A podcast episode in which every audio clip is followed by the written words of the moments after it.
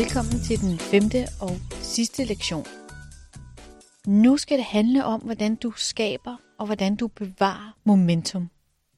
Det skal handle om, hvordan du omsætter dine planer til virkelighed. Kort sagt, nu skal du altså ud over stepperne. Du skal få sat nogle hakker på din to-do-liste. Du skal få tingene gjort. Men hvad er momentum egentlig for en størrelse?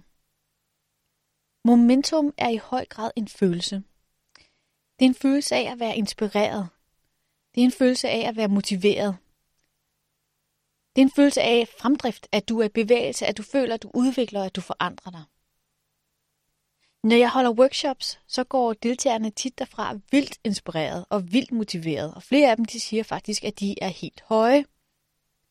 Momentum handler i høj grad om at holde fast i lige præcis den her følelse. Men vi kan have en tendens til at glide tilbage i vores gamle vaner og i vores gamle mønstre. Altså, der sker et eller andet. Måske får vi for travlt med et nyt spændende projekt, eller måske bliver vi syge. Der sker i hvert fald et eller andet, så vi kommer ud af kurs. Vi taber momentum. Så i den her lektion, der vil jeg gerne give dig nogle konkrete værktøjer til, hvordan du bevarer momentum. Jeg vil også tale om, hvad du skal gøre, når du er på vej ud af kurs. Og her er der faktisk øh, nogle spæde advarselssignaler, som vi godt kan blive bedre til at spotte. Jeg vil også gerne give dig input til, hvad, hvad kan du gøre, når du falder i? Altså når du ikke holder dig til din plan, eller du falder i i forhold til nogle af dine nye vaner. Og igen, jeg siger bevidst når, og ikke hvis. Fordi det er altså de færreste, der tager den direkte rute til deres mål, eller ændrer i den her livslang vane i et snuptag. Jeg vil derfor tale om, hvordan du skal være god og mild og tilgivende over for dig selv i en forandringsproces. Jeg vil gerne give dig nogle konkrete redskaber, som du kan støtte dig til, men inden jeg gennemgår, hvad de går ud på, så vil jeg gerne gøre dig opmærksom på, at du faktisk allerede har lavet et stort arbejde i forhold til at bevare momentum til næste år. For bare det at sætte mål, der tager afsæt i din inderste værdier, din inderste drømme, jamen det skaber en stærk motivation. Du har sat mål, som du virkelig ønsker dig. Og ikke nok med det, du har defineret konkrete action steps til, hvordan du når dine mål. Og et af de stærkeste redskaber til at skabe flow, fremdrift og momentum er konkrete handlinger. At du hele tiden føler, at du bevæger dig hen imod dit mål. Og det gælder både, hvis du tager små eller store skridt. Bare det, at du hver dag gør en lille ting, som får dig tættere på dit mål, giver en god følelse af, at du er på rette vej. Men lad os kigge på de her redskaber, som vil få dig helt i mål. Den første ting, du kan gøre for at bevare momentum, er at skabe et stærkt support team, som kan støtte, hjælpe og skubbe dig undervejs. Du kan med andre ord vælge at lave dit helt personlige hæppekor. Du kan sagtens kaste dig ud i dine mål og i dine handlingsplaner mutters alene, men du vil uden tvivl stå stærkere, når du har nogen, som kan give dig støtte, opbakning og opmundring undervejs. Så du kan fuldstændig selv designe dit supportteam.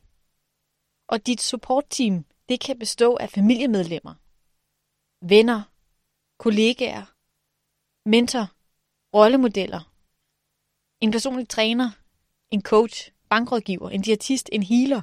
Der er sådan set ingen grænser. Du kan sætte dit eget hold. Det vigtigste er, at du finder ud af, hvad du egentlig har brug for i forhold til de mål, som du har sat dig i det nye år. Hvilken form for støtte og hvilken form for opbakning har du brug for? Hvilken viden savner du? Hvilke specialer skal dine personlige rådgiver have? Så kig på hver enkelt mål, du har sat, og spørg dig selv, hvem kan hjælpe? Hvem kan støtte mig med at nå det her mål? Hvem vil jeg elske at få hjælp og opmundring af?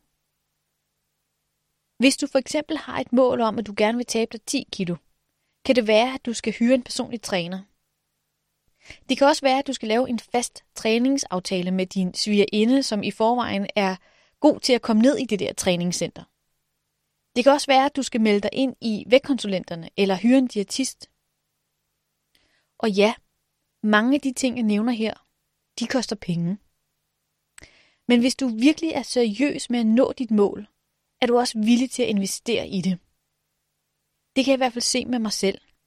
Hvis jeg pludselig bliver fedtet med mine penge, når det gælder et af mine mål, så ser jeg det tit som et tegn på, at jeg ikke ved det nok. At jeg ikke tror nok på projektet. At jeg ikke tror nok på mig selv, og at jeg vil nå mit mål.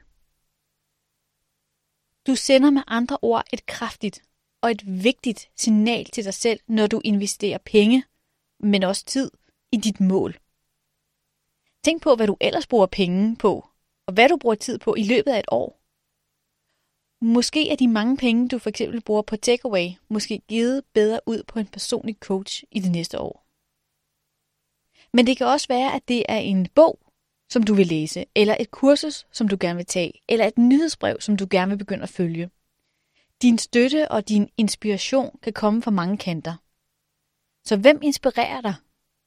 Hvem motiverer dig? En anden klar fordel ved at have et personligt supportteam er, at du er nødt til at fortælle dit mål til andre. Altså du er nødt til at åbne op og fortælle, hvad du egentlig ønsker dig. Du committer dig med andre ord til et andet menneske. Og det kan være ganske motiverende og herligt forpligtende. Så spørg dig selv, hvem vil være bedst til at motivere og inspirere mig? Hvem vil være bedst at holde mig ansvarlig overfor? Hvem vil jeg gerne fejre mine små og mine store succeser med? Hvem vil være bedst til at spotte mine dårlige undskyldninger og mine overspringshandlinger? Hvem vil være bedst til at give mig et spark bag i, når jeg har brug for det? Og hvem vil være bedst til at hjælpe mig op, hvis jeg falder i? På side 29 i din workbook, der kan du sætte dit eget hold. Du kan skrive, hvem du gerne vil have til at støtte og hjælpe dig i det nye år. Man prøver også måske at gå en tur på nettet og google, hvem ved noget om de emner, som du gerne vil vide mere om. Altså find gerne nogle eksperter, som du kan få gode råd af. Der findes sandsynligvis eksperter, som har brugt årvis på at indhente viden om det, som du netop søger. Så gå til den bedste af de bedste. Så brug nu lidt tid på at sætte dit hold og vend tilbage til kurset, når du er klar. Så har jeg endnu et godt værktøj til dig. Det næste værktøj, som jeg vil give til dig, er et af mine absolut favoritværktøjer. Det er topmødet med dig selv. Og det er måske nok en af de bedste måder, du kan bevare fokus og momentum på. Topmødet med dig selv er et ugenligt rituale, hvor du sikrer, at du er på rette kurs, og at du kommer på forkant med den næste uge. I en travl hverdag, der har vi sjældent tid og ro til at stoppe op og vende blikket indad. Men det er faktisk præcis det, som du skal gøre på topmødet med dig selv. Det er dit ugenlige pitstop, hvor du, ja, stopper op, mærker efter og planlægger den kommende uge. Det er også på topmødet, at du tjekker, om der fortsætter den her røde tråd, som jeg bliver ved med at snakke om, altså den røde tråd mellem dine værdier, drømme og dine mål. Det er her, du gennemgår dine handlingsplaner og tager hul på de daglige to-do-lister for den kommende uge. Du lægger med andre ord et, et godt fundament for en uge, hvor du har overblik og hvor du har overskud. Topmødet med dig selv, det holdes en gang om ugen. Og læg gerne mødet på en fast ugedag og på et fast tidspunkt hver uge. Det kunne fx være fredag kl. 14, inden du tager på velfortjent weekend, eller måske hver søndag kl. 10 som forberedelse til den kommende uge. Så afsæt tid i din kalender og book gerne topmøder med dig selv de næste 6-12 måneder. Som udgangspunkt skal du regne med, at et topmøde tager omkring en time. Jeg har da også klienter, der kun bruger 20 minutter om ugen på det, og så har jeg andre, som bruger to eller tre timer. Personligt der bruger jeg selv øh, en halvanden til to timer hver søndag, og jeg ved, at tiden er givet rigtig godt ud, og at den kommer tilbage til mig i løbet af ugen. Når du har holdt topmødet et par gange, jamen så ved du præcis, hvor meget tid du har brug for. Når du holder dit topmøde, er det vigtigt, at du sidder et sted, hvor du føler dig godt tilpas, og hvor der er ro. Så prøv at overveje, hvor du kan holde dit møde henne. Om det skal være hjemme, eller på kontoret, eller måske på en god café i nærheden, i et stille hjørne. Og start topmødet med at slukke din mobil, og så lægge den helt væk. Det første punkt på agendaen, stop op, handler om, hvordan den sidste uge er gået. Det handler om at stoppe op og så evaluere de sidste syv dage. Ja, du skal rent faktisk gøre noget så usædvanligt som at lave et tilbageblik på ugens forløb. Tit så har vi så travlt med at komme videre, at vi helt glemmer at stoppe op og så kigge på alle de ting, alle de opgaver, alle de mål, som vi har skabt. Og du vil sandsynligvis blive overrasket over to ting under det her første punkt på agendaen. Når du kigger tilbage, så vil du som det første sikkert blive overrasket over, hvor meget du rent faktisk har nået i løbet af bare en uge. Og så vil du også blive overrasket over, hvor hurtigt du har glemt alt om det. Det første punkt på agendaen, det handler derfor om at se tilbage. Og det handler om at give dig selv anerkendelse for alt det, som du rent faktisk har nået. Tit har vi kun fokus på det, som vi ikke når. På topmødet skal du kun have fokus på de ting, som du når. På side 30 i din workbook, der finder du en tjekliste til det her topmøde med dig selv. Og du kan bruge tjeklisten som en guide til topmødet, så du sikrer dig, at du gennemgår de vigtigste spørgsmål. Men du kan i virkeligheden lave din helt egen agenda med dine egne spørgsmål. Men nu gennemgår jeg, hvordan jeg holder mit topmøde, og så kan du vælge at følge det til punkt og prikke, eller du kan bare lade dig inspirere af det. En god måde at starte et topmøde på er at spørge ind til dine værdier, dine drømme og dine mål. Altså alt det arbejde, som du netop laver på det her kursus. For hvis du kigger på den sidste uge, har du så levet i overensstemmelse med dine værdier?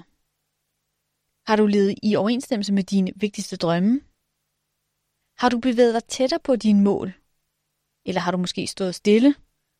Eller måske bevæget dig væk fra dine mål? Har du fulgt dine egne handlingsplaner? Du skal også starte med at kigge på, om du har nået dine vigtigste mål for ugen. Det er nemlig sådan, at hver gang du holder et topmøde med dig selv, så sætter du nogle ja, både arbejdsmæssige og private mål for den næste uge. Så nu er det altså tid til at gøre status. Har du nået det, som du har sat dig for? Har du nået ugens mål? Og hvis ja, det har jeg, hvordan vil du så gerne belønne dig selv? Jeg er stor tilhænger af belønninger, og jeg synes generelt, at vi belønner os selv alt for lidt. Så hver uge, der skal du belønne dig selv for at have nået dine mål. Ja, hvis du altså har nået dem. Hvis du ikke har nået dine mål, så skal du prøve at kigge på, hvad var det egentlig, der forhindrede mig? Det er nemlig interessant. Og her igen, det handler ikke om, at du skal slå dig selv oven i hovedet. Det handler derimod om at lave en selvevaluering og indhente vigtig viden om, hvad der stopper dig. Fordi lige præcis den viden, den kan du bruge i din fremtidige planlægning. Udover dine mål, så skal du også prøve at kigge på, jamen, hvilke andre konkrete resultater har du skabt i den uge, der er gået. Måske er der i løbet af ugen opstået nogle muligheder, som du har grebet. Måske har du nået øh, flere ting for dine handlingsplaner, end du havde planlagt. Så tænk tilbage på ugen, og så lav en øh, liste over små og store ting, som du har fået igangsat, eller måske fået afsluttet. Her under det første agendapunkt, der har jeg også to små bonusspørgsmål til mig selv. Det første er, hvad er du allermest stolt over i den uge, der er gået, og hvorfor? Og det kan være, øh, at det er noget, som jeg har gjort, eller måske ikke gjort. Det kan være noget, som øh, jeg fik sagt. Det kan være en situation, som jeg synes, jeg håndterede godt. Det kan også være, at det er noget, som jeg har fået gjort færdigt, eller måske fået påbegyndt.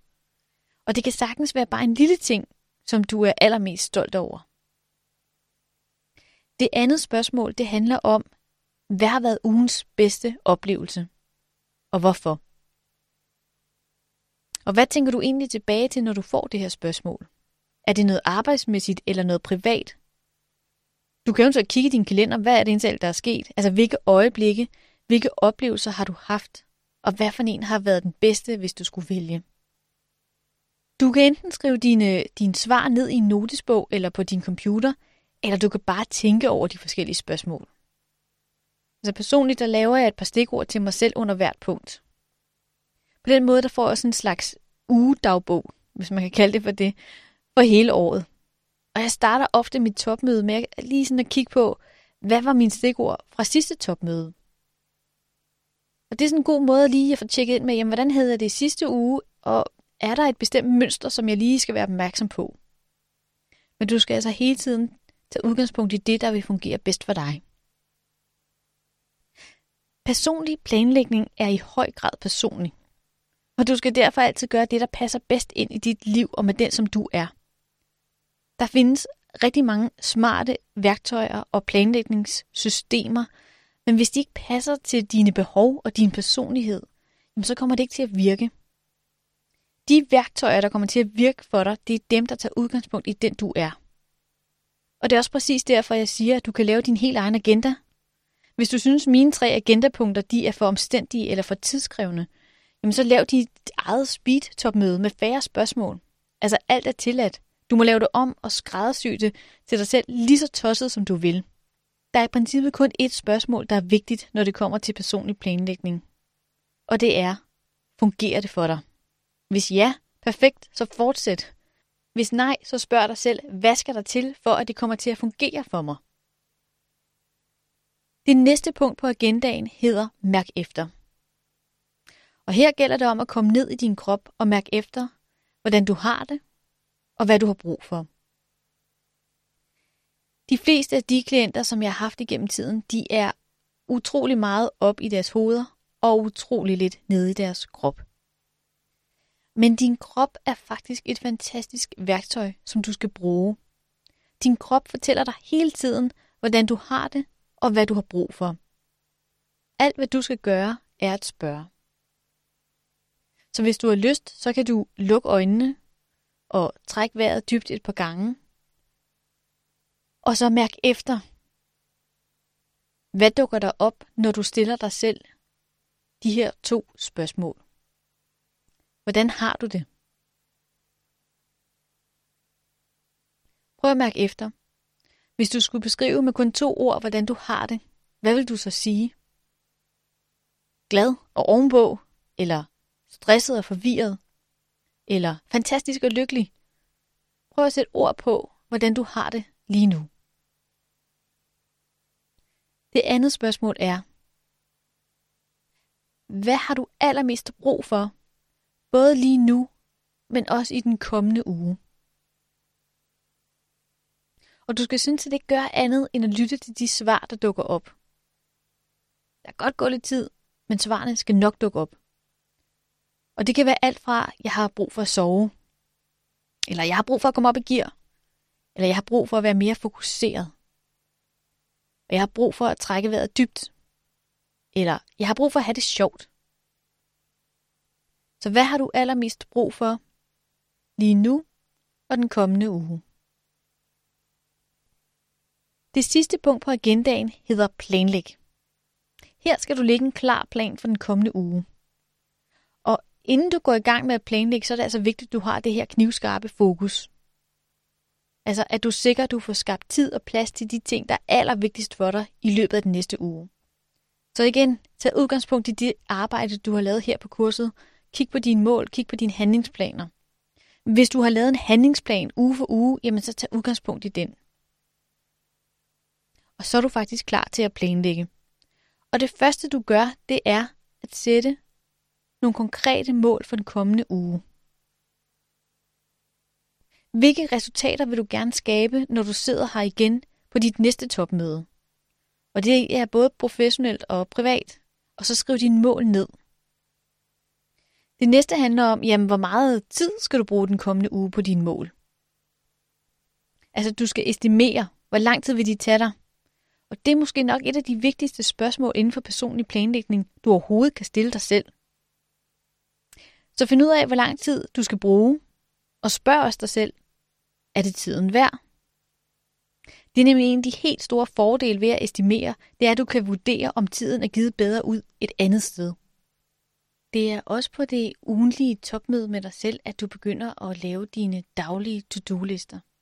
Altså at du laver en liste for den enkelte ugedag. Så på topmødet med dig selv, der sidder du med en mandagsliste, en tirsdagsliste, en onsdagsliste, ja, en liste for hver enkelt dag. Og så begynder du på dit topmøde at plotte forskellige aktiviteter ind på de enkelte dage. Og det er både i forhold til din, din mål, men også ting, som du ellers skal i øvrigt. En anden ting, som du øh, kan overveje på det her topmøde med dig selv, det er, hvordan du vil belønne dig selv, når du når dine mål. Jeg har også to gode spørgsmål under planlægning, som handler om, jamen, hvordan og hvornår vil du slappe af og holde fri i den kommende uge?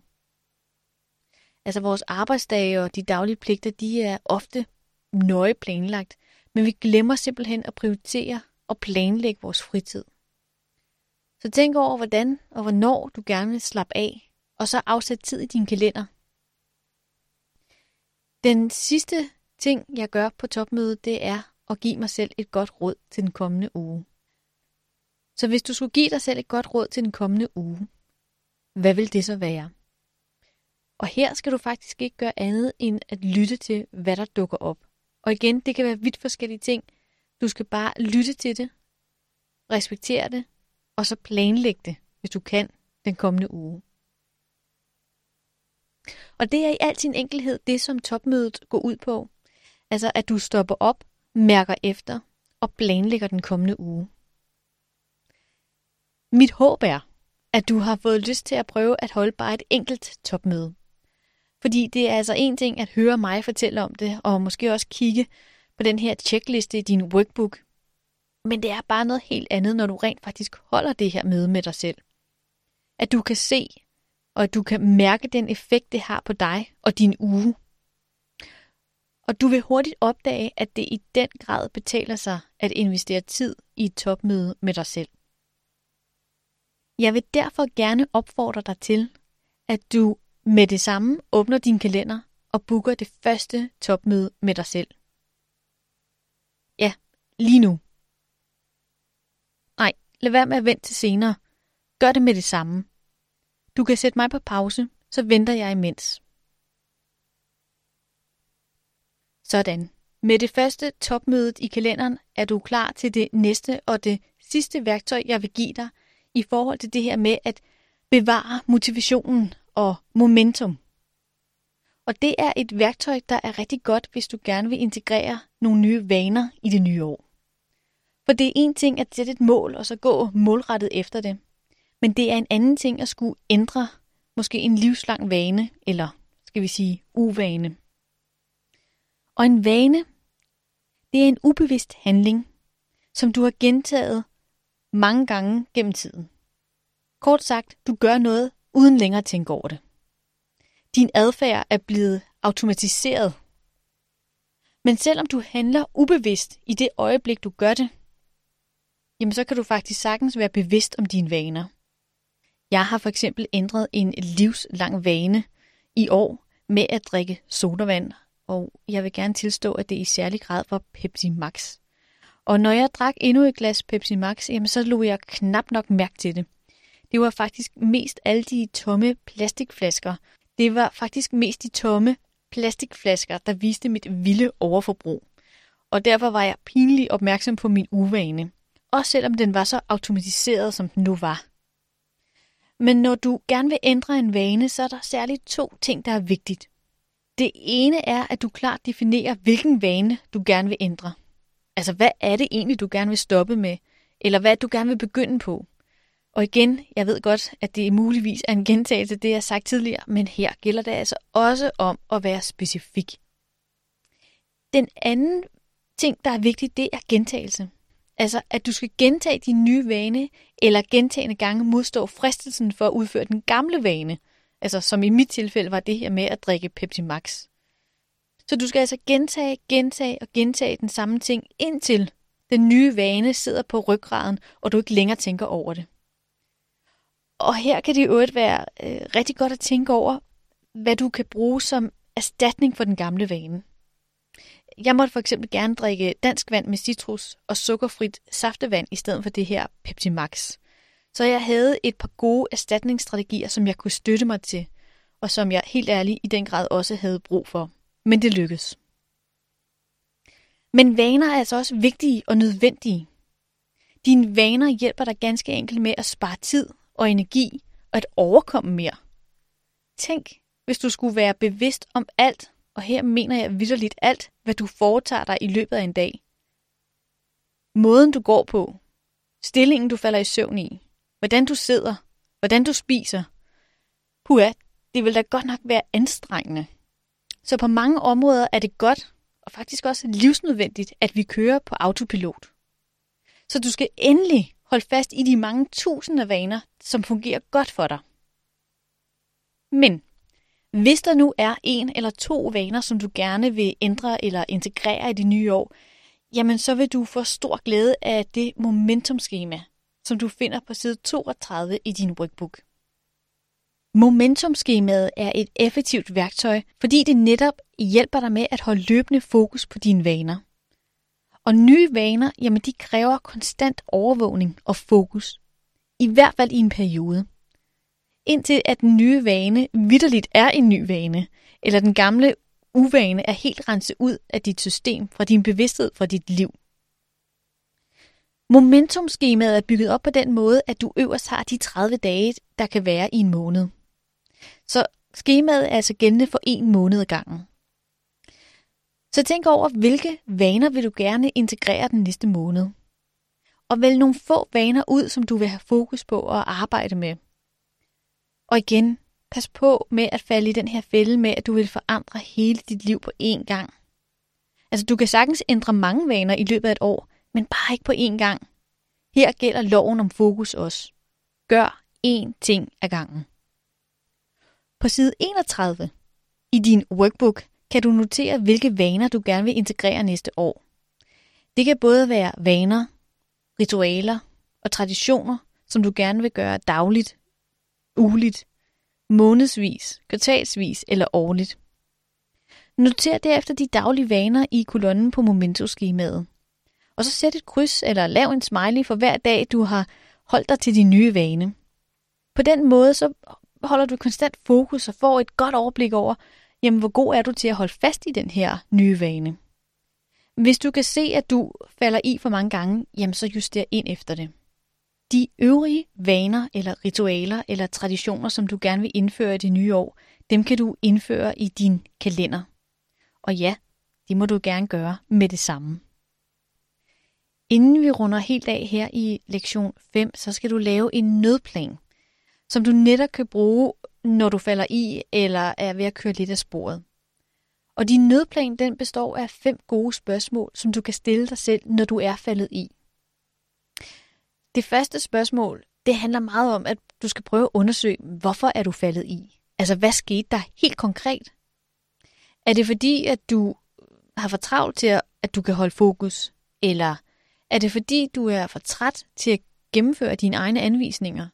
Eller det er fordi, det er blevet for surt, fordi du har sat for mange rigide regler op for dig selv?